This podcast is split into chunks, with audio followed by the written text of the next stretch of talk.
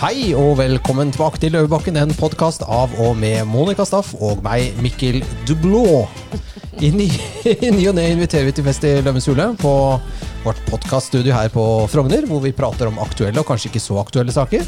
Monica og jeg er som folk flest veldig nysgjerrige, og derfor inviterer vi til gjester som vi ønsker eh, at du som lytter og vi som programledere skal bli bedre kjent med. I dag skal vi bli bedre kjent med en spennende kvinne, en kunstner faktisk, fra Sovjetunionen. Eh, altså en stat som ikke lenger eksisterer, men som i dag kanskje folk eh, kjenner som Russland. Eh, hun er utdannet ved akademiet i Leningrad. Hun kom til Norge i 1982 og var faktisk Nerdrum-elev. Flyttet så til London som utøvende kunstner i 13 år og er nå tilbake i Norge. Vi skal altså bli nærmere kjent med Natalie Holland. Men før vi spoler tiden tilbake til den kalde krigen, så er vi på vei inn i den kalde tiden, eh, Monica. Og nå har vi hatt et valg som er over siden sist. Det er jo faktisk fire uker. Eh, Ja, hvor er leget? Jo, leget er vel det at um, takket være um, denne klimakrisen vi har foran oss, så er det fortsatt ikke så veldig kaldt. Nei, det er jo grei temperatur fortsatt. Ja, Men det er kaldt nok til å ta seg en liten klunk med vodka. Ja, det må vi da. Inspirert da av vår gjest, så er liksom vodka er liksom Eller dagens champagne, hvis Ja. vi skal være litt finere på det. Ja, Ja, for det det, fikk, det, det fikk faktisk jeg Champagne og kaviar. Ja. Jeg fikk, Det er veldig russisk. eh, jeg fikk champagne i, på, når jeg var i Bolsjoj. Ja. Da hadde de liksom altså, Hva det er Bolsjoj til lytterne som våre? Det hender jo at Bolsjoj-teatret i Moskva. Mokba. Mokba. Ja. Ja, eller noe sånt. ja. Det skrives jo Mokba. Mokba. Ja. Hvordan sa, sier man det, Natalie? Moskva. Moskva, ja. Moskva. Ser du? Moskva. Moskva. Ja. Men det skrives med det akryliske al- alfabetet med en B. kyrilliske. Ja, Ja. kyrilliske, men. Ja. Ja, kyrilliske. Kyrilliske? Kyrillisk skal komme. Ja, ja, ja. Ja, fy fader. Det, er- to ganger har jeg nå korrigert deg på veldig kort tid. Ja, det blir flere. Og det var en russer. Så, så det, det, Av en russer. Du Hun er sånn, hvordan det inviterer russere Babushka Studio. Monica Babushka-Staff. Ja. Stiaf. Nei, nei, nei. Det er Stiaf. Monica Vet, Stiaf. vet, du, vet du hva det betyr, da? Du må overhodet ikke kalle kvinner for babushka. Der blir det et bråk, da. Det er Ja, bestemor, det er bestemor.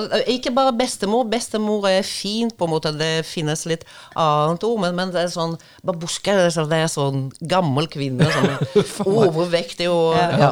Gammel, feit kjæring. Ja. Nei, det, det, det er det ikke. Så det sier du ikke mer? Det sier jeg ikke mer. Nei, nei babushka, det skal jeg ikke. ja, nei, ja. Ja, nei, eh, Vi kan jo snakke bitte litt grann om dette valget før vi går over til å høre hvordan det var å vokse opp i Russland eh, på eh, 60-tallet. Sovjet. Eh, vi skal ikke snakke om hvor gammel Natalie er, men hun vokste i hvert fall opp på 60-tallet, så da vet vi det. Eh, nei, valget, du. Altså, jeg vet ikke. Jeg er for så vidt ganske godt fornøyd. Jeg er fornøyd med skal vi si, jeg er fornøyd med tre ting. Jeg er veldig misfornøyd med statsministeren. ja, det er ikke noe bombe. Eh, og så er jeg for så vidt fornøyd med Vedum som finansminister. Ja. Og så er jeg veldig fornøyd med Trettebergstuen som kulturminister. Ja, tror- hvorfor det? Jeg er helt sikker på at hun kommer til å gjøre en kjempegod jobb. Ja.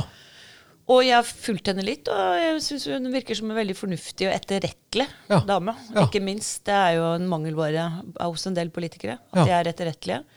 Så det er jeg veldig fornøyd med. Og så er jeg veldig veldig fornøyd med at Ola Borten Moe er kommet inn i regjeringen. ja. Men jeg er veldig misfornøyd med at han ikke er olje- og energiminister. Ja, eller forsvarsminister. Eller forsvarsminister, ja. ja. Og så er det jo morsomt at han Enoksen har kommet inn igjen da. Han er jo den eldste medlem av regjeringen. Han er 67 år. Mm -hmm. han får da oppgaven å fortelle folket oppe på Andøya at eh, den flystasjonen blir nedlagt uansett. Senterpartiet har lovet at den ikke skal bli det. ja. Det blir jo et par kameler. Vet du hva jeg er litt imponert over? Par kameler. Tenk på de som sitter på Andøya og hører på sånn. Nei, nei, Fy faen, han men derre men- sossen fra Frogner som sitter og Det der slaget var antageligvis tapt, det tror jeg alle visste. Men det som jeg syns er kult, er jo han nye næringsministeren. Eh, som jeg ikke husker navnet på i farta. Oh ja, så kul er han, Ja, liksom. sant? ja, jeg bare så han på TV i går. Eh, I hvert fall eh, fra det private næringsliv. Driver åh, eh, møbelproduksjon. Og han Vestre, ja. Vestre. Ja, sunnmøring, det. Sunnmøring. Ja. Det jeg la merke til ved regjeringsovertakelsen, var at måte, de som går på nå, er liksom friske i kinnet, de er blide, de har pågangsmot. Og så har du da de avtroppene som ser ut som sånne derre vridde, grå, utslitte kluter. Det var ikke mye fart igjen i den eh, Solberg-regjeringen på slutten. Nei, og da tenker jeg at det må jo være en varsellampe for de som nå tiltrer. At eh, ok Altså? Det er sånn all Botox i verden kan ikke fikse det greiene der. Nei, åtte år i regjering, det, det, det tar på. Det tar på noe så innmari Ja ja, nei eh, Men du, jo, ja, vi må snakke litt, litt Nå setter vi på favorittmusikken til Natalie. Det er bare, og dette- Jeg stiller meg helt uforstående til dette. Men Ja. bare Er dette som balalaika? Dette er balalaika. Er det det Harald Eidesen snakker om i ubåt? I sketsjen sin, ja. Ja, Det er balalaika-orkester. Ja. men vi skal ikke Det høre på dette. Det hadde de om bord i ubåten, tenk på det. Ja. Nei, fra spøk til alvor. Ja. Nei, vet du hva, jeg tror faktisk ikke dette er Natalies yndlingsmusikk i det hele tatt.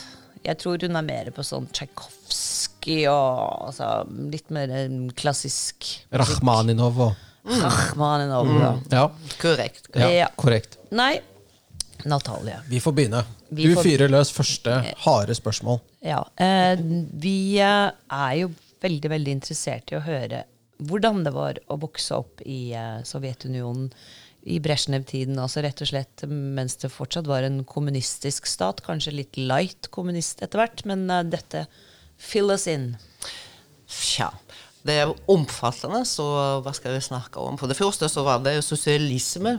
Det ble bygget på den tiden. Ikke kommunisme, det har man gitt opp allerede. Og det er kanskje nettopp fordi at uh, selv om ideen om kommunismen er veldig god, slik som det opprinnelig kom fra Karl Marx og Engels, så er det jo noe det at eh, Der ser du hvordan det fungerer i virkeligheten. At eh, selve ideen er basert på at alle ville det samme. Men Ja. virkeligheten er jo det at folk vil jo forskjellige ting. Så at eh, man ser jo da Nå var jeg veldig ung, da selvfølgelig, når jeg vokste opp. Men du skal si hvordan man opplevde det på skolen, da. At uh, jeg hadde jo en disiplin på skole som heter marxisme-leninisme. Man måtte skrive lange og kjedelige oppgaver og stå. Sant? Uansett hva, hva du utdannet deg til, så måtte det. Men eh, jeg husker jo ingenting av det, fordi at det, det som skjedde vanligvis i klassen, at det var én eller to kanskje veldig flinke som skrev oppgavene, og vi alle skrev sa- Satt og skrev liksom fra de, da. Så. Skrev av, så, så, så læreren fikk 30 helt makne oppgaver inn? Eh, alle var like? i- Ja, men bare du står. Ser du? Det, Jo, men det var er jo veldig bra, for ja. alt skal være likt i, i, i, i, i Sovjet Sant, eller kommunismen. Så, så var det helt greit. Ja, Da var alle like flinke. tilsynelatende. Ja, tilsynelatende. Men vet du hva, det eneste bra som jeg husker liksom fra marxisme-leninisme, da, eller Karl Marx Lytt nå, Moxnes. Ja, ja. Men det er faktisk det, det som jeg tok med meg videre i livet. Det eneste setningen jeg husker, husker fra det, er at proletariatet har intet annet enn sine lenker å miste. Oi. Og bare tenk på det. Så fantastisk er det at hvis du hvis du har absolutt ingenting å miste, så har du den, den friheten til å bli absolutt alt. Eller få absolutt alt. Mm. Ja. Det syns jeg, men det er fordi jeg er litt mer filosofisk anlagt, da, så jeg er ikke interessert i program, eh, programmering sånn sett. Så eh, ja, hvordan det ellers uttrykte seg uh, Nå har jeg gått på skolen. Da jeg begynte da jeg var seks. Jeg begynte faktisk på tre skoler. Musikk, vanlig skole og tegnerskole. Dette her skjer fordi at utdannelsessystemet på den tiden var elitistisk. Det vil si at man leverte sine barn til allmenn skole, men der som oppfatter en spesiell begavelse hos et barn, så fikk altså foreldrene beskjed. Uh, elite og sosialisme, det, i Norge så høres jo det helt feil ut. Det er jo ingen som er mer imot elite enn en, en partiene på venstresiden. De vil jo ha vekk alt De skal ikke ha karakterer. De Det, Er det er litt annerledes, da, hva som har- menes, hva som legges inn i begrepet. Ja, altså De har jo da glemt rett og slett å, å, å, å følge opp eh, sin store på en måte forbilde Sovjet. da. Det vet jeg ikke noe om, men man eh, Hvorfor man utviklet det systemet Sovjet, var jo basert på det at uh, Sovjetunionen måtte forsvare seg, at dette var bra. ikke sant? Altså, så det å ha de beste kunstutøvere, de beste sportsutøvere, de beste eh, vitenskapsmenn og -kvinner, da, var jo beregnet med på det at man skulle skape omdømme i verden at dette er systemer som utdanner de beste av de beste. Ja, Så sånn. om man ikke kalte det for akkurat eliteskoler, men det er akkurat det det var. Og det Ja. var veldig hardt. Altså, uh, fordi det, det var liksom ikke at alle skulle Hvis du først ble definert at du har egne evner, da, eller spesielle evner, si musikk eller sport, Ja. så er det spesialskole. Og dette er da du går på vanlig allmenn skole, og så er det kanskje fem-seks timer på spesialskole. Så at hele dagen din Jeg har gått gjennom det systemet. Hele dagen din blir preget av det. Men du faktisk savner ikke mye altså, så Jeg ble spurt etterpå savner du mye av å være barn, eller noe sånt. Men jeg tror at når barn har spesielle interesser, og de blir veldig sånn støtt unna, da. Så at det blir jo egen verden, da. Du har jo mer, og de utfordrer deg. De sier OK, hvis du kan så mye, prøv det. Prøv mer. Jeg vet at du kan. Altså hele det systemet som pusher deg, Wow. men som sier du kan mer. Du kan enda mer. Og det er klart Jeg er i ferd med å bli marxist, jeg nå, når jeg hører på deg. Faktisk. Jeg melder meg inn i Rødt. Jeg må ut av Senterpartiet, inn i Norges Men, kommunistparti. eh, men altså, vil det si da, Natalie, at de oppdaget veldig Du er jo en figurativ kunstner, for å si det sånn. Du, du maler det klassisk. Eh, oppdaget de veldig Eller ble det oppdaget veldig tidlig? Eller skjønte du selv veldig tidlig at du Nei, jeg har hadde oppdaget meg selv veldig tidlig, til uh, stor misnøye av min mor, som ville at jeg skulle da ta utdannelsesmusikk og bli pianist. Og ja, og jeg har jo jeg har jo ni år musikkutdannelse også, da. I dag rører jeg ikke klaver fordi at uh, Dette er litt spesielt, men mors tanke for hvorfor jeg skulle bli pianist, da, det er jo teknikk. Fordi at hvis jeg mislykkes, så kan jeg alltid bli en bra musikklærer, og musikklærer har en høy status, og du skal alltid skaffe deg levebrød. Kunstnere derimot, Ja. det, Det er sånn kom si, de kom sa. drakk rødvin og, og stå opp eh, sent, og så, så det var ikke hadde noe dårlig råd.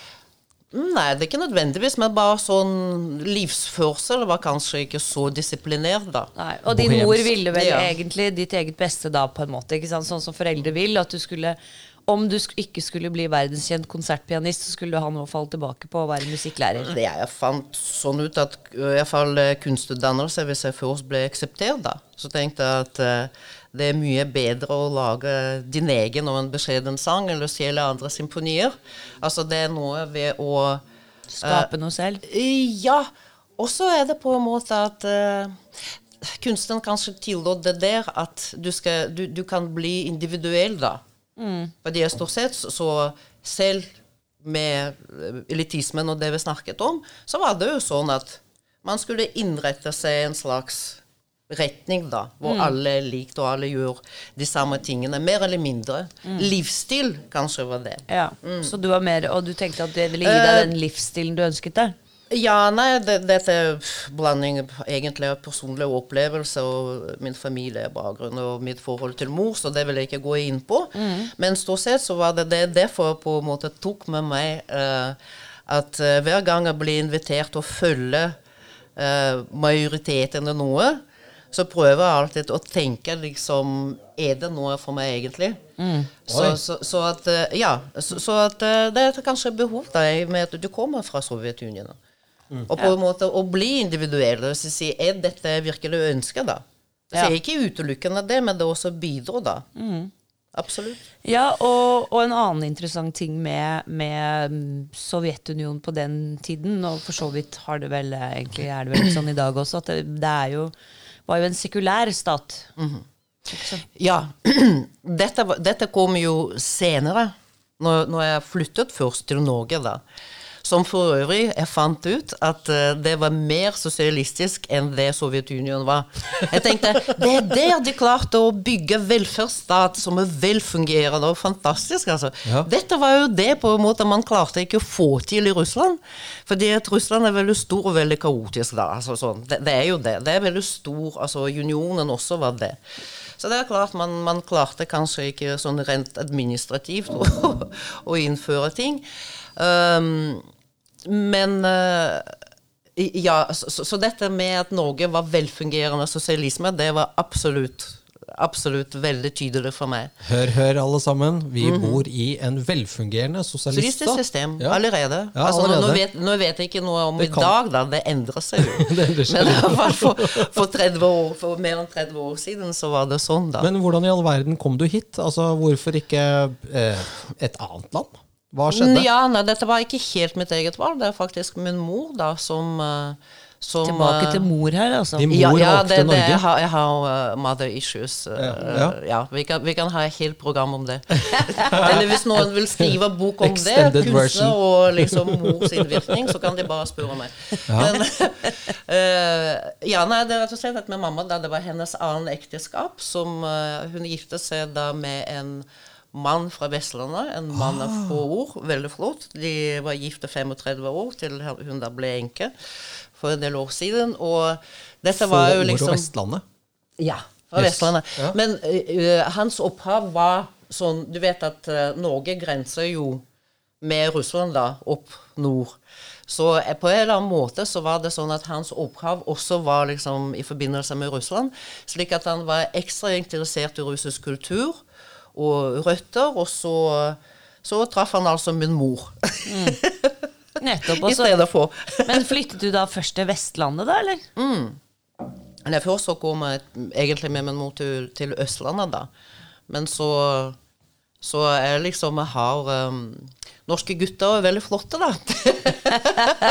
Hør, eh, Monica. og, og ja, ja. Eh, absolutt. Uh, nei, så, så at jeg giftet meg veldig tidlig. Dette også var på en måte også å komme vekk fra mamma samtidig, da. Ja, ikke sant? Veldig Men det, det, det var jo Nei, men det var jo på en måte ekte kjærlighet, da. Det var jo det. Det er en veldig god mann, og vi er fortsatt venner, selv om vi er skilt. Ja. Og det er en nord nordmann. Yes. Ja, Så da var du i Norge. Året er 1982, Men- og den kalde krigen er jo men- på det kaldeste. Men, men, men, men, men, Men, men, men, men, men, men, men. vi skulle jo snakke om den sekulære staten. Ja. vi tilbake. vi snakket vi oss helt bort. Vi drar oss tilbake. tilbake. det er igjen. Mikkel. Det er hans skyld. Det er Ja, jeg vet det. Jeg vet det. Bare skyld på Nei, meg. nei. Det går veldig bra. Nei, sekulær stat var bare eh, en forutsetning, egentlig. Fordi at eh, visste, vi visste ikke om noe annet. Så at eh, religion eksisterte, og man kjente til det, det var en del av eh, selvfølgelig historie. eh, kunst. Man studerte jo det som f.eks. innflytelse av kristendommen eller islam på visse kunstretninger, selvfølgelig. Men også som filosofi. Men egentlig noe da for selve sovjetstaten også var basert på, på en humanisme. ikke sant? Altså At man trengte ikke å vitenskapelig fremgang. Altså at man skulle da utvikle vitenskapen, og, og vitenskapen kan jo ikke bevise Guds eksistens, ergo så eksisterte ikke Gud. Og man kunne velge det personlig, da. Man kunne tro på Gud og gå i kirken. Men da blir det ikke forfulgt som det er sånn allmenn forståelse, da. Du blir oversett av systemet. fordi at da er det ikke noe bruk for det hvis du tror på, på oh, ja, en ja, mann i ja, ja, himmelen. Så var det litt sånn ok, hun eh, eller han der går Ja, i kirken. Ja, hun er vi, han er, Nei, ikke kirken, men litt, sånn, litt, eh, litt rare, da. Har litt rare behov, litt sånn men dem ja. om det, liksom. Dem om det, ja, ja. Uh, toget går videre uten dem. Oi. Og de kan, uh, ja, Du og de kan bli der i kirken. ja. Uh, samtidig så, så eh, på, på vanlig nivå så feiret man jo ortodoks jul og uh, alt det. For dette var jo russisk tradisjon, så dette var jo også i vår familie da. Og jeg gikk jo med min oldemor i kirken, så jeg ble presentert for det der sanselige da ved ortodoks kirke, rent sånn som kunstner med eh, skimrende gull og mørke og sang. Oi, oi. Ja, ja, nydelig det. Jeg oppførte meg helt fryktelig og dro, dro presten i kjolen der og sånn, men eh, bortsett fra det, så, så var det veldig fint. Men, men hva bandt da på en måte Sovjetunionen var jo enormt. Altså, Russland er jo det største landet i verden i dag, og Sovjetunionen var jo stort. Altså masse land. Hva bandt dere sammen når det ikke var religion? Det er jo interessant. Nei, religion er aldri bindende. Det er jo Nei, det er kanskje- kanskje splittende, da. Og det, det, det Ja. på en måte som var uh, Prinsipielt så var det jo ideologien som skulle forene da. Nettopp tro på fremtiden, tro på likheten. Ja. Det er litt sånn likhet, uh, brorskap og ikke sant, sånn franske, mm. franske ja. revolusjonen. Marx og selvfølgelig. Engel. Ja. Det, dette er videreføring av det. Egalité. Men når man fjernet religionen, så hadde man ikke noe. fordi det er klart at så lenge du sier at ok, selv om jeg respekterer din religion, men likevel, i utgangspunktet, så er min Gud bedre enn din. Ja. Det, det, det er det er eneste Mm. Så hvis man har det gående, så kan man jo aldri bli enig, egentlig, da. Nei. Altså Selv om man finner Så ved å fjerne religion som sådan Men å fjerne hvordan da? Fjerne det fra, fra statsnivå. Så at staten forholder seg ikke til noen religion i det hele tatt. Og så selvfølgelig noen mennesker følte seg mer undertrykte fordi de ikke fikk lov. Men altså, tilgang til statlige arenaer var forbudt. Ja. Er det Ikke noe vi burde gjøre i Norge? Kutte statsstøtte til alle trossamfunn og sånne ting? Jeg syns at staten også, nå Dette har ikke noe med Sovjetunionen å gjøre, Nei, nei, det, det har noe med vestlig demokrati som, man, som jeg satte veldig pris på nå etter sånn jeg kom jo til Norge som veldig ung. Men så du begynte å reise, du begynte å følge med det som skjer i, i vestlig verden, så det er klart Vestlig demokrati er veldig velfungerende system. Den, trenges, den trenger ikke endres, kanskje videreutvikles på måter som oppstår i fremtiden, det, det vet jeg ikke noe om. Men endres, og spesielt ikke religion. Altså Dette er på en måte motsetning i seg selv Ja. til demokratisk, altså det demokrati er. Ja. Og det religion er, det er jo forenlig. ja, for demokrati er folkestyre, mens religion Ja. er jo én gud som styrer alt, på en måte. Altså Ja. ha demokratiet plass Nei, altså, i sånn, men ja. uten å fordype seg i innholdet i forskjellige religioner. altså Ja, sånn sett, så, så for meg, så det, Jeg er ikke religiøs. da. Mm. Jeg ser på det som på religion som viktig bidrag til å forme vestlig demokrati. Selvfølgelig kristendommen, verdiene, altså alt dette, da. Men innholdet uh, og Staten bør være sekulær. Altså det, det er bare kort og godt. Min oppfatning er overbevisning. Ja. Staten bør være sekulær. Nøytral, altså. Ja. Hvis, hvis vi mennesker med så mange forskjeller som det er nå, med bakgrunn altså Det kan jeg jo si selv som på en måte innvandrer da, til Norge. Hvis man skal bli enige, så må man bare legge det bort og så si at her lever vi et stat som er sekulær. Vi kan snakke sammen, som staten sier, at vi er mennesker uansett. Vårt liv har et verdi uansett. Farge, religion og sånn. Så eh, her kan vi møte hverandre.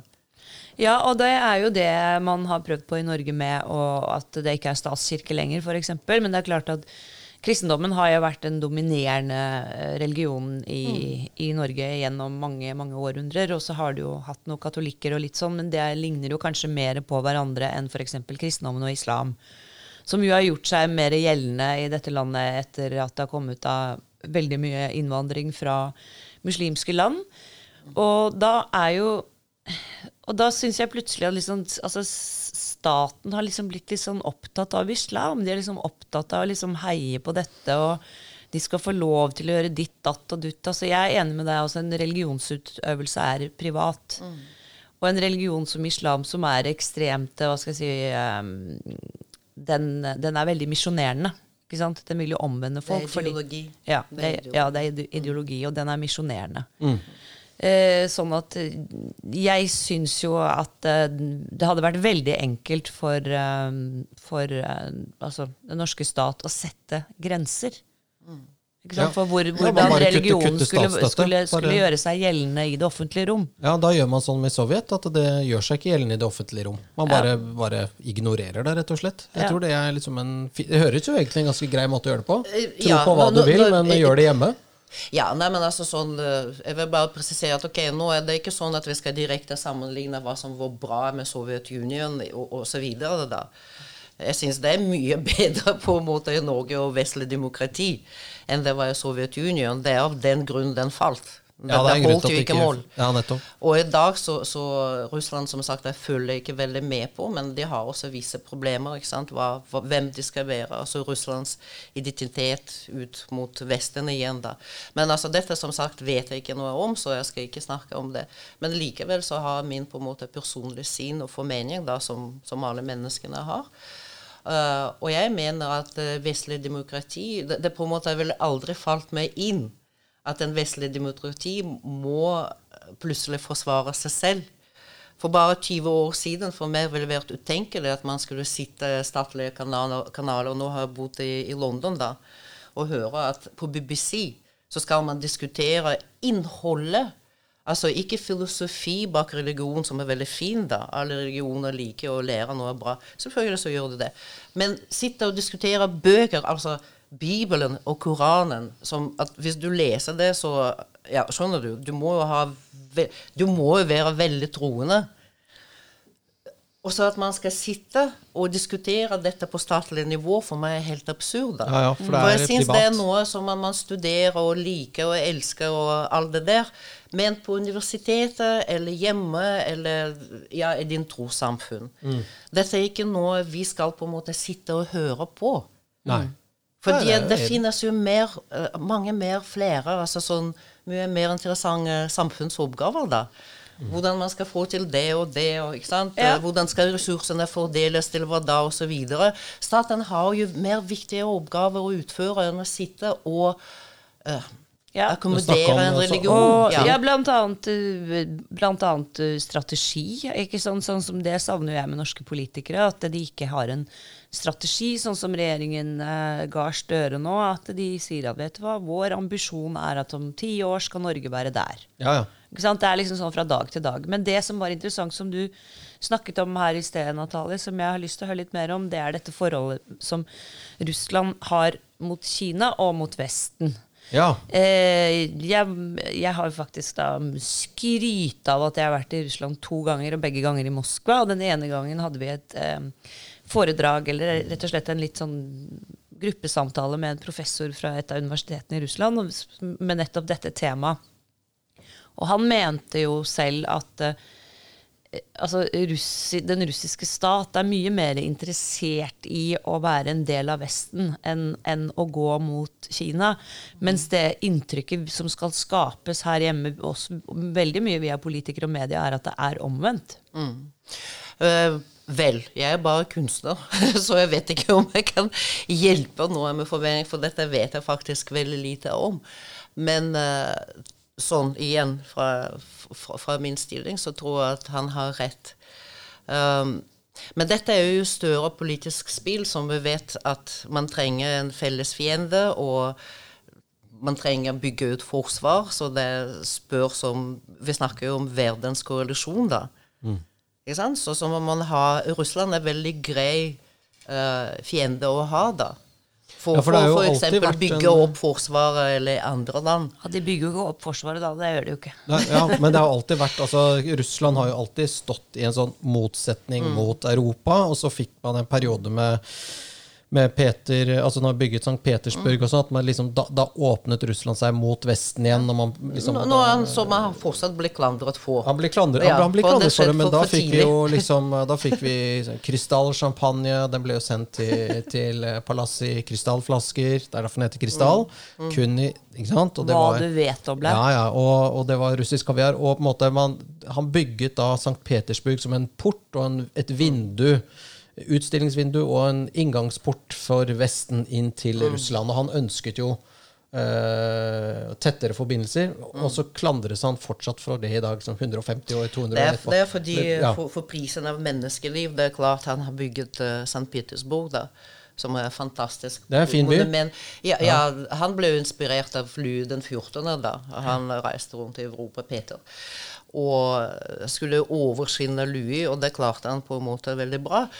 Men pris Ja, ja, absolutt. Eh, men prisen var jo millioner og millioner av bønder som ble revet opp da, fra det de var. Og bare Altså, St. Petersburg De sier at den er bygd på myr og, menneske, altså, og menneskelige Knokler, holdt jeg på å si. Knokler, ja. fordi det er så mange som lager Og du vet at det som Russland alltid hadde i massevis, er ikke champagne, men mennesker som man kunne kunne ofre. ja. Ja, ja. Ja. Dette har skjedd i alle kriger. Annen verdenskrig. 22 millioner.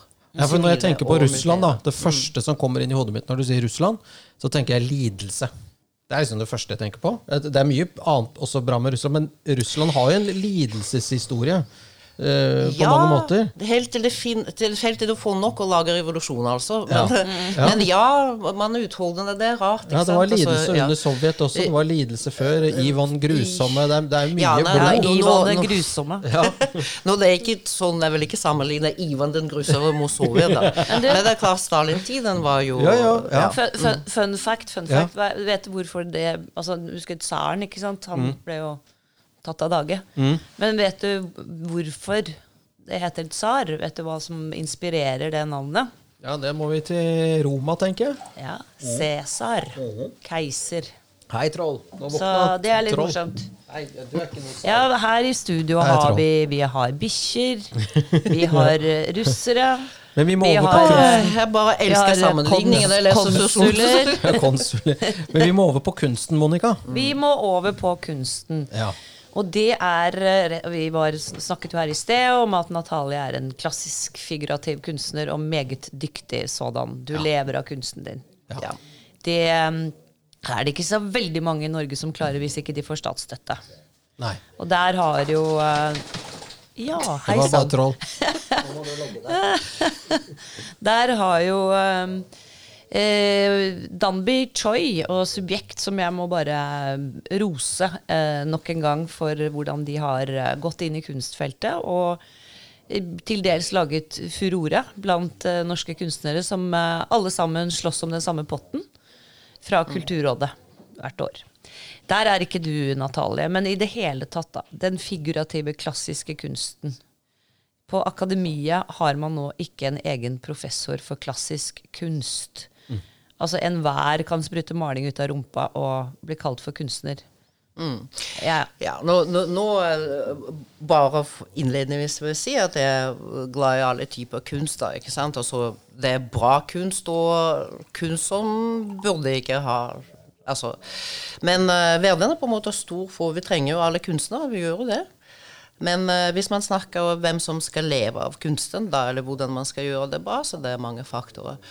Um, hvordan undervisningssystemet i Norge er bygget Nå har jeg ikke gått på akademi, da, men jeg skjønte jo da, spesielt under tiden med Odd Nedom, da, at dette var på en måte veldig sånn Av en eller annen grunn veldig eh, lite ønskelig, da. Altså, han er jo faktisk Mm. ikke kjøpt inn av den norske stat ennå, til noe. Ja, det, det, er helt syns jeg er faktisk helt Fordi han er jo en av de viktigste kunstnerne av 20. århundre, da. Ja, ja.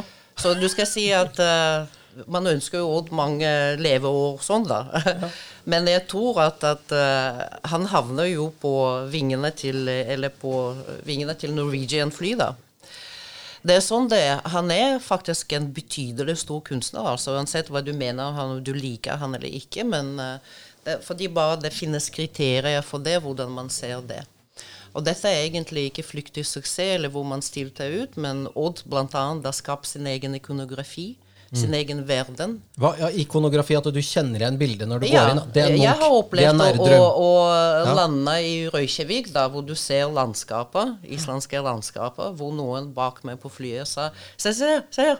Det ser jo som helt som Odd Nedrum-bildet, da. Ja. Men dette er jo omvendt. Ja. Og har tatt inspirasjon i Islands landskap. Ja. Også det. Og så i dag, uansett hva du mener om Odd Nedrum, når du ser bildene hans, eller av hans elever, så vil du på en måte kjenne igjen det. Ikke sant? Så kan man si helt sikkert dette og nedom, da. Ja. Så hvorfor er han da ikke innkjøpt av den norske stat? Nei, men det, det spør ikke meg om det. Jeg på en måte ja.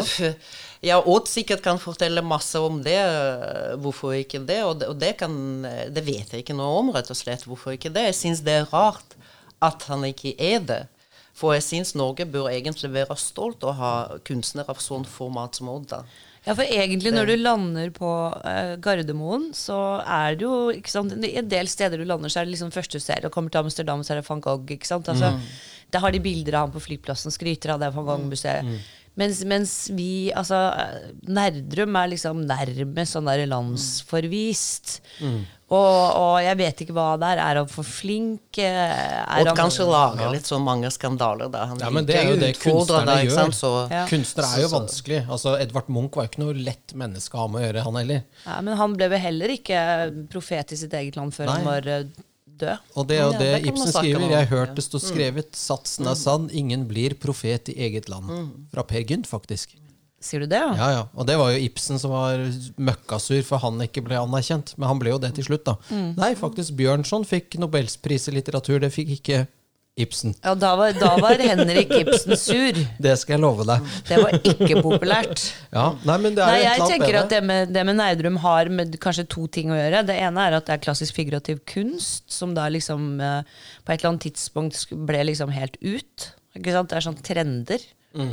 At det ble helt ut. Og så tror jeg det også det har litt med det at eh, når vi først var inne på sosialismen, da, hvor alle skal være like, så er det jo liksom å, å bli kunstner Hvis du er, Mm. skal basere deg på å være klassisk figurativ kunstner, så er du faktisk nødt til å kunne å tegne, og du er nødt til å kunne masse anatomi, du er nødt til å? Og, du, og, du, og du må ha et talent. Mens, og det er sikkert noen Jeg har selv kjøpt noen bilder av Bjarne Melgaard som jeg har på veggen, så jeg lurer på, jeg lurer på om er de bra, eller er de egentlig ikke bra? Er, Er det bare bra? noe clean, Er det liksom? bare noe tøys? Kunne jeg laget det sjæl, liksom? Sant? Eh, Noen ganger så tenker jeg sånn. Og da tenker jeg at det ble på en måte et ideal da med den non-figurative kunsten, for da kunne hvem som helst lage et bilde. Ja, ja, men, det, det, men det krever jo talent igjen. Ja, da. det. Kubismen Ja, er litt annerledes. Ja, ja. Ja, da må ja, du kunne geometri og ikke sant? Altså, men, men det å liksom bare smøre på Men jeg har um, eh, Altså, jeg, jeg har ser noe non-figurativ kunst som jeg syns er flott. Ja, Som jeg syns er fint. Kanskje leser noe ut av, liksom. Men, Ja, men du vet, med, med kunst blir jo på en måte Jeg ville beskrive det veldig kort. Det som snakker til deg.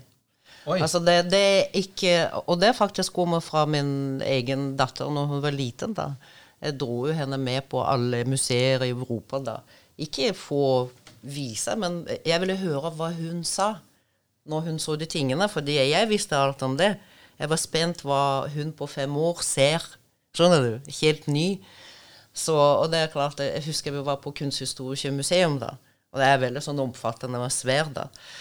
Så jeg tok henne i, og så da måtte jeg lage det som en lek. Og så sa jeg ok, vi, vi gjør det sånn. Vi går i en sal, det er veldig stort. Du lukker øynene og gjør liksom rister litt sånn. Og så åpner du øynene, og så går vi til det bildet som du ser. Uansett hva. Oi. Så hvis du ikke ser noen ting, så går bare videre. Men, eh, og, og det har faktisk min datter lært masse om kunsten og kunstforståelse, selv jeg med utdan utdannelse og alt sånt. da. Og så det som overrasket meg, at da kom vi i en sånn flamsk uh, kunst, da. Hvor du, det henger metervis på Rubens, du vet, sånn fargerike, Ja. flotte bilder, liksom, og de var mange av. Og så der i et lite hjørne hang to selvportretter av Rembrandt. Sånn størrelse, liksom kanskje 50 ganger 40 cm. Sammenlignet med Ruben, Rubens to ganger tre. Så plutselig så tar hun meg bort til, eh, til, til dette bildet. da. Og så Avtalen var det at når hun tar meg til et bilde, så sier hun også hvorfor hun ser på det bildet. Dette er kult.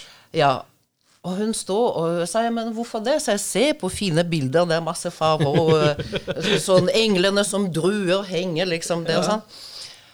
Hvorfor det? Det er jo mann, og sånn, men hvorfor det? Og hun stakkars tenkte slet veldig med å finne ord, liksom, og så sier hun til slutt, fordi han ser på meg. Og dette er selvfølgelig også det, hvis du ser det selvportrettet av Rembrandt, det er jo Rembrandts tilstedeværelse da, I rommet. eh, i rommet og liksom ja, Fantastisk. fantastisk. og det, det min datter sa til meg, lærte meg alt på en måte. At all den debatten vi har om kunst, hva som er best figurativ eller ikke det, egentlig har lite betydning. Det er hva som snakker til deg. Dette blir din kunst. Altså, Jo mer du er utdannet, jo flere kunstretninger vil begynne å snakke til deg. Det sier jo seg selv. Jeg har valgt å være realist. da. Eller så klassisk figurativ, men realist. ikke sant? Jeg har valgt det vanskelige, liksom, og jeg liker det. Jeg er masochist. ja, men eh, det betyr ikke at konseptkunst, bare konseptkunst, er mindre vanskelig. Det er bare Du trenger noe annet. Så jo mer du blir eksponert for kunst, jo mer du ser, jo mer du på en måte begynner å like. Men du vil likevel komme til det, tilbake til det som snakker til deg. Ja. Alltid. Alltid. Og, og det er også sånn når det gjelder figurative miljøer, da. Jeg syns også da at figurative kunstnere bør slutte å klage litt. Og følge faktisk det eksempelet som Odd man, man tar Odd som eksempel når det gjelder teknikk, da. Men man overser å ta eksempel fra Odd Nedrum av det som han faktisk gjort. da. Altså Han ble hundset, da, ifølge hans egne ord, og det vi vet om, da, i Norge. Og så sier si at du går og gjør noe annet, du kan ikke male. Han ble i Mm. Norge, og han malte, og han skapte sin egen skole. Istedenfor å klage, da. Ja. Ja. Så at alle de figurative kunstnere også i Norge i dag, da, de kan også på en måte si at la oss endre litt. Altså istedenfor å si at vi lider, da. Altså jeg måtte ta et valg, da, for jeg er alene. Men for, for 14-15 år siden, når jeg dro til London, det var nettopp for det.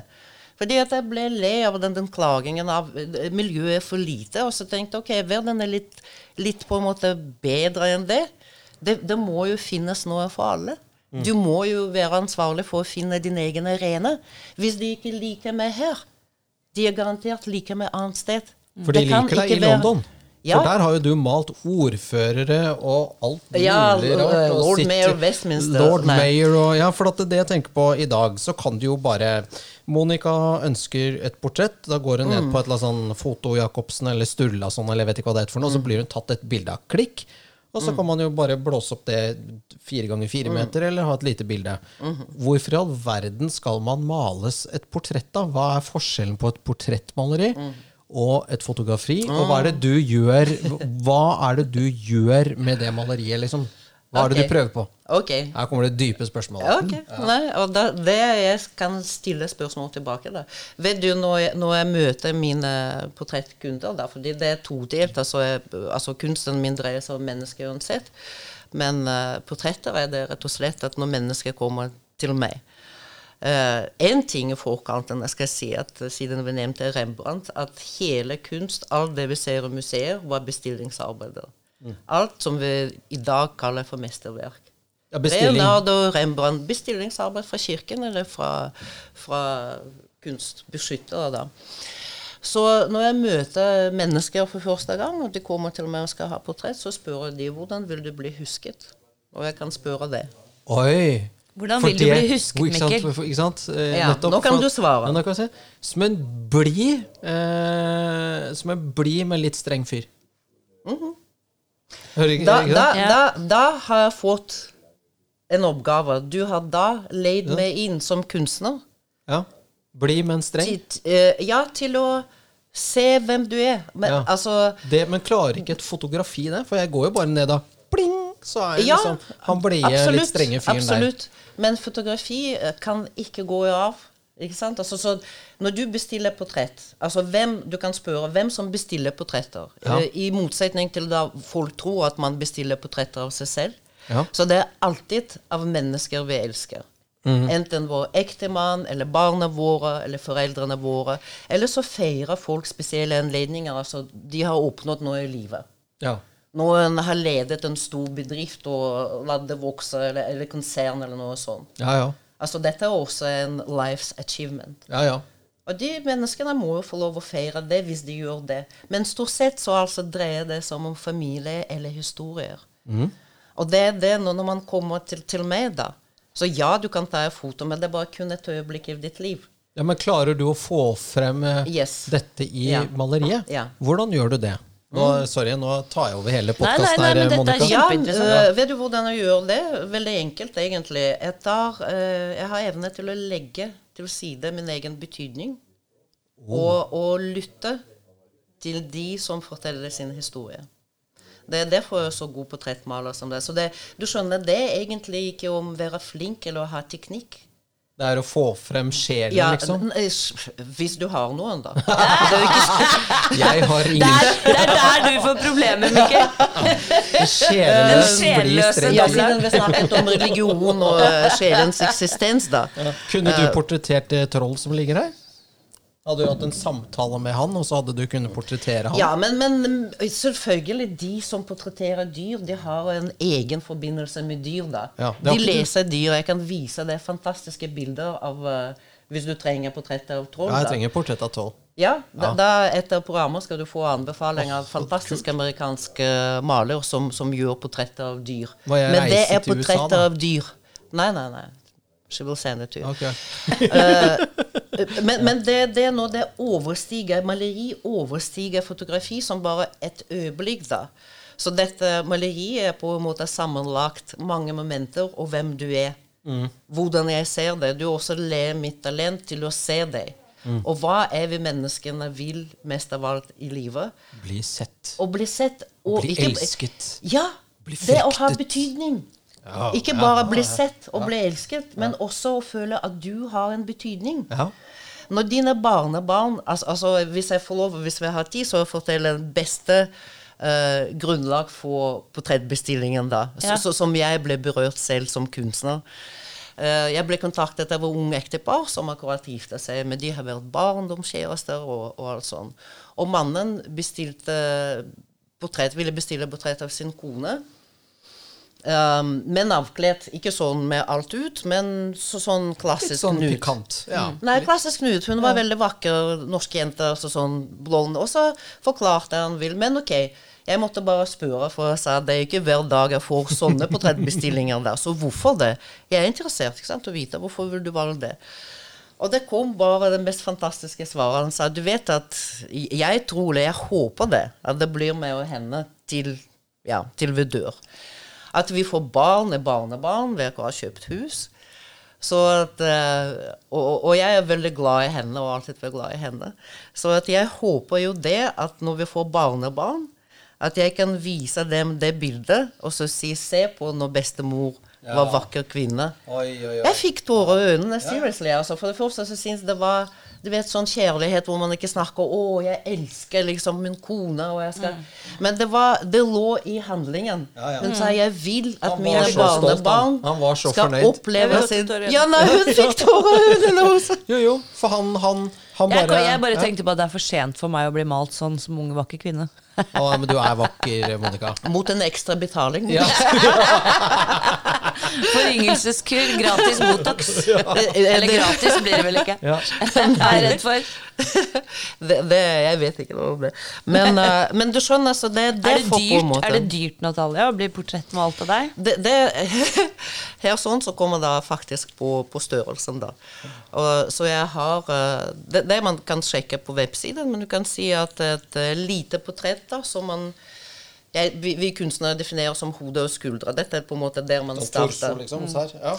Ja, det spørs på hvor stor torso er det. Veldig Eller hvor, hvor mye plass du, du trenger. Men Det hode og hode og skulder, da. Ja, ja. Så det starter fra 50 000-60 000 liksom, Mm. og går oppover til eh, hva det er. Og så avhengig av bildets kompleksitet. Som, som du kanskje vet, nå har gjort et veldig komplekst portrett som uh, elsker det, med en, en uh, stolt mor med sine fire sønner. Som jeg syns var en fantastisk reise, egentlig. Og, og for meg også, da, ikke minst. Jeg har på en måte lært så mye av de jeg har møtt. Og jeg, har møtt, jeg var så heldig fordi jeg er portrettmaler og møter så fenomenale mennesker altså i mitt liv, som jeg ville ikke hatt tilgang til hvis jeg hadde jobbet med noe annet. Nei. Så at uh, jeg er absolutt heldig, og absolutt altså. Og selv, selv på en måte Portretter vil jeg alltid lage. ikke sant? Altså, for meg så det er en del av det å, å komme i kontakt med omverdenen, med mennesker som interesserer meg. Jeg ville på en måte elsket å lage bilder eller portrett av en Hirshali. Men Ja. det er, hun er helt utilgjengelig. Fordi for meg det er også liksom en kvinne som representerer så mye. Historien hennes. Uh, og så hva jeg vil se da, hva jeg vil klare å formidle, det er selvfølgelig det, hvem jeg er som kunstner. Hvem jeg er som profesjonell. Det er oppgaver for meg. Det er min oppgave. Men og du har portrettert av eh, ordfører og greier borti London. Har du portrettert noen kjente norske personer? Ja, faktisk to som jeg er utrolig stolt av og takknemlig for i dag. Det er to norske krigsgeneraler. da. Warner Christie Oi. og Ville Moore. To Ja. ganger Ville Moore. Som eh, jeg, jeg bare Jeg forelsket meg. For, for det første så var det som å, å bla i en levende historiebok. Uh, og det meningene deres, da. Og personlighetene. For Ville Moore var en sånn grå eminense. da, Han var gentleman. Utrolig god historieforteller fra Bergen. da. Yeah. Og han kunne fortelle om når han møtte Churchill. Så du, du skjønner du det, Nå, nå de står på atelieret og poserer og snakker om absolutt da. Fordi jeg lytter og jeg spør. Jeg er ikke interessert at de skal få vite mest mulig om meg. Nei. De får vite mest om meg når de har et bilde i hendene. Dette er hvem jeg er. Jeg ville høre hvem de er, så, så, så dette å føre samtale på en måte, og samtidig det blir en del av bildet, også en del av opplevelsen. Eh, så for meg, det å, å få lov å oppleve den historien som ikke er lenger da Hvem er det? Det- er jo veldig få overlevende nå, da. eh, var absolutt en utrolig stor opplevelse da. Mm. Så for meg så det du vet, det dreier seg ikke altså, ok, Hvis en kjendis kommer til meg og så sier 'vil du se meg', så som er også en del av eh, portrettbestillinger Det var en, en ung kvinne som spurte, spurte meg å male sin mann, fordi hun var også veldig glad i han. da. Men han sa at selv om han har mange fine kvaliteter, så han er veldig beskjeden. Jeg vil at du skal se han. Og det, det gjorde jeg jo da. For, eh, Ja, for da, da er det din jobb på en måte å prøve å Ja. trekke frem personligheten til Ja. dette mennesket. Så hvis det kommer en veldig superkjent menneske og spør vil du vil du se meg, eller hvordan du vil gjøre det, så sier jeg selvfølgelig jeg skal absolutt gjøre det. Men for meg så det er ikke om å gjøre da uh, folk er jo kjent for så mange ting.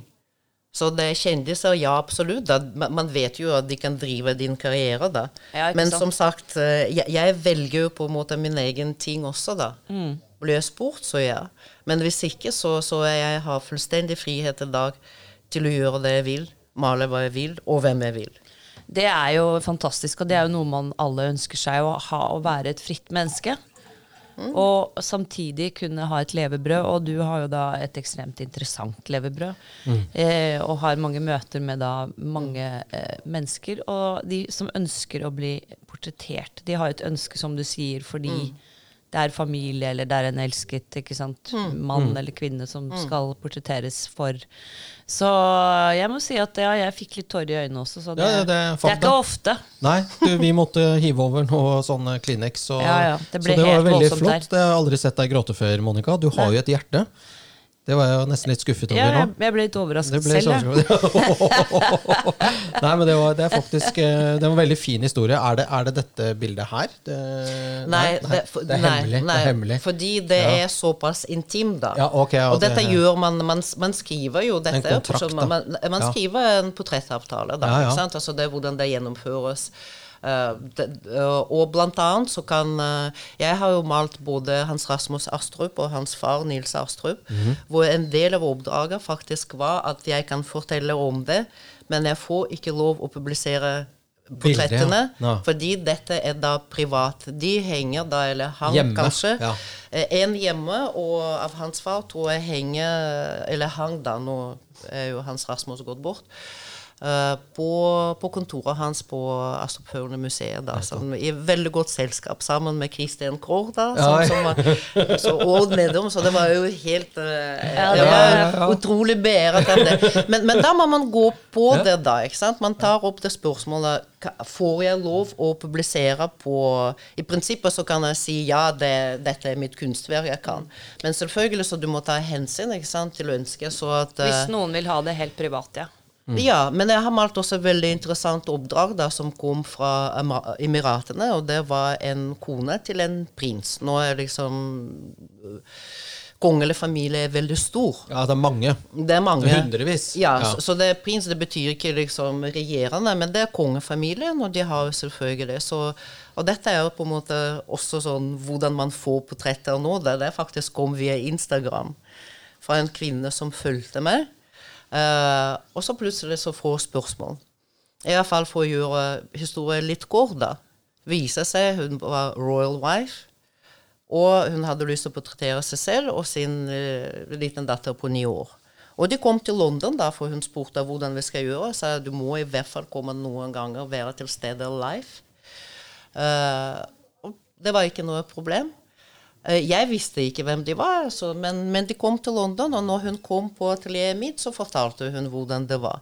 Og da hadde hun hadde to forespørsler. Én at hvis vi skal ta uh, foto, så at fotografen skal være kvinnelig.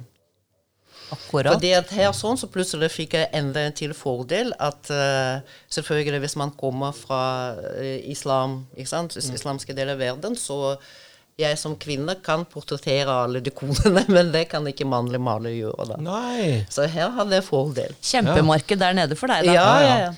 Nei, og så, når hun fortalte det, da, så, og vi diskuterte ikke sant, med bildet, så sa hun det at det er også pga. landets lover også, at jeg kan publisere bilder, jeg kan skrive deres navn, men jeg har ikke lov å publisere bilder av henne, da, så det er dobbeltportrett. Hun og hennes datter da, som sitter sammen litt sånn, sånn relativt lite portrett, egentlig. Men, eh, men hun kan ikke, så at jeg tror på websiden så ser du under portretter, da, hvis du ser på det, så ser du det, eller så har det på iPad. Jeg tror det er publisert på websiden. Men altså ett hvor Der, hun har eh, dekket til håret, og ett hvor hun ikke har dekket til håret, er det sånn? Nei, hun var faktisk eh, ikke dekket på noe som helst måte. Hun var utdannet ved Eton. Ja. Eh, veldig veltalende, flott. da, Og jeg, jeg spør jo, fordi du vet at det som er fordel med å være maler, da, at eh, du kan snakke med uteligger, du kan snakke med en konge, hvilket jeg har gjort. Jeg har Ja, møtt ja, ja. dronning Elisabeth, da. Nei. Også, ja, ja. Oi, er hun kul? ja. Ja. Hun, etter min oppfatning, er den siste monarken Sånn av gammel sko skole som vi, vi forstår. Ja. Eh, som kunne vært en regjerende dronning og gjort veldig bra jobb. Ikke bare ambassadør for landet, hun er mer enn det. ja. Hun er den siste som var oppdratt til den rollen. Nett, ja, som ikke er Som er oppdratt til plikten. Det er ikke en sånn reality Ja, det er det, det sånn som det har forståelse med plikt, som jeg også ja. forstå- liksom, fått følelse av med Warner Christie og Villemår. Mm. Den der Hva de var lært opp til. Mm. Plikt mm. Uh, til sitt land. Altså, jeg vet ikke hvis du Ja, ja. spør unge mennesker i dag om Nei, det eksisterer. plikt er? Men Nei, altså, det, det- gjør Altså, det så nok sånn var det med dronningen. Men i hvert fall nå tilbake til det bildet, da, så at uh, absolutt, da. Mens når jeg hadde mulighet til å snakke med en som henne, da Jeg spurte jo 'How did you meet your prince?' Sa, hvordan, hvor, ja, hvordan gifte du med prinsen? Det viste seg selvfølgelig at hun ble spurt fordi hun har en um, en familie, om en ikke kongelig, men med godt Bra. bakgrunn. Bra, Ja, også sånn. Um, og hun sier jeg, jeg, jeg, men hvordan møtte du han da? Og hun sier jeg vet at du kommer til å le nå. Hun hadde fantastisk engelsk, bedre enn det jeg har nesten. Hun sa at eh, jeg møtte han på bryllupsnatten. Oi. So she spoke with retracted Ja, jeg, pronunciation. hva, Very mener du du har aldri sett Jeg har sett bilder av han, men jeg fikk aldri liksom lov å møte han for på bryllup, bryllupsdagen, da, selvfølgelig. Ja, old school, så, så, så, så dette var det. Men hun sa Jeg vet hvordan selvfølgelig mennesker i Vesten reagerer på det, men for meg så var det også overveid valg. Dette er min, mitt lands tradisjon. Jeg kan si ja, eller jeg kan si nei. Men hvis jeg sier ja, så vet jeg hva jeg går til. Ja. Eller så kan jeg velge noe annet, da. Ja. Og jeg tror nok at hun kommer fra privilegert bakgrunn, så jeg vet ikke hvor fri hun var egentlig ved å velge. Men hun var ikke tildekket eller Altså helt vestlig og Altså Ja, for i London har jeg sett både det både og. Altså, jeg har sett eh, sånn både ene og det andre, holdt opp. De som Ja. er helt tildekket, og de Ja. som ikke er det. Som Ja. går i Gucci-vesker og høye hæler. Men, men tipp, tipp inne på Chanel-butikken, da, så da er du liksom ikke ubemidlet hvis du skal inn der og kjøpe deg noe. Det er folk som går i, altså i heldekkende. Ja, ja. Jeg har jo hatt gleden av å være hjemme på besøk jeg hos Natalie, og da du hadde litt forskjellig Du hadde både nikab og Eh, I garderoben. at- Atelierprops. Ja, ja, ja, ja, ja, ja. Eller så kjøpe det mens det er billig. Ja. Prisene stiger. Prisene stiger på nikab. Ja. Nei, hvilken av disse plaggene var det? Fordi jeg fikk jo prøve det ene hvor du liksom Du blir tvunget til å se ned når du tar det på. Altså det er konstruert Nei, det, sånn at dette er afghansk burka, da, som jeg har brukt for et maleri som jeg malt allerede i 2005. da. Ja, det er Hege Storhaug? Nei. Nei, nei, nei. nei. Eh, det, dette var, det heter Ordinary Day. Ordinary Day. Å uh, oh, ja, ja, nei, stemmer det. Det burka også ble brukt. der. Ja, ja, ja. Uh, du har faktisk rett, da. Å begynne. um, Mikkel har mer oversikt over hva ja, ja, ja, Natalia har ja, valgt ja, enn det han, har, han eh, har forberedt seg på mye bedre, altså, mye bedre enn det jeg har gjort. Så ja, nei, så, så den ble faktisk tatt av mine venner som, eh, som var i Kabul da, ikke sant, som kjøpte burka på markedet. Så, og dette var jo for meg så jeg, Det første jeg gjorde, var å ta meg på meg selv, da. Og prøve det, Og, ja, ja, og, og du, du får jo sjokk fordi at uh, du skjønner ikke at dette er mobilfengsel, egentlig. ikke sant? Fordi at uh, det er bare den lille åpningen, den som også har en gitter, da. Så du kan snu hodet bare i en retning. Det vil si at uh, hvis du går med mannlig slektning, som du i prinsippet skal gjøre, da, så kan de se akkurat hvor, hva du ser på, retning det går i. Og så det er selvfølgelig fryktelig varmt. Også, men, men det som var mest sjokkerende, er at plutselig så jeg som jeg da forsvinner. Ja, du ble borte. Ja, så, du ble borte. Personligheten din, alt er borte. Ja, det er som, som vi, vi, vi blir utdannet eller sånn oppdratt til å være personligheter og individuelle, da.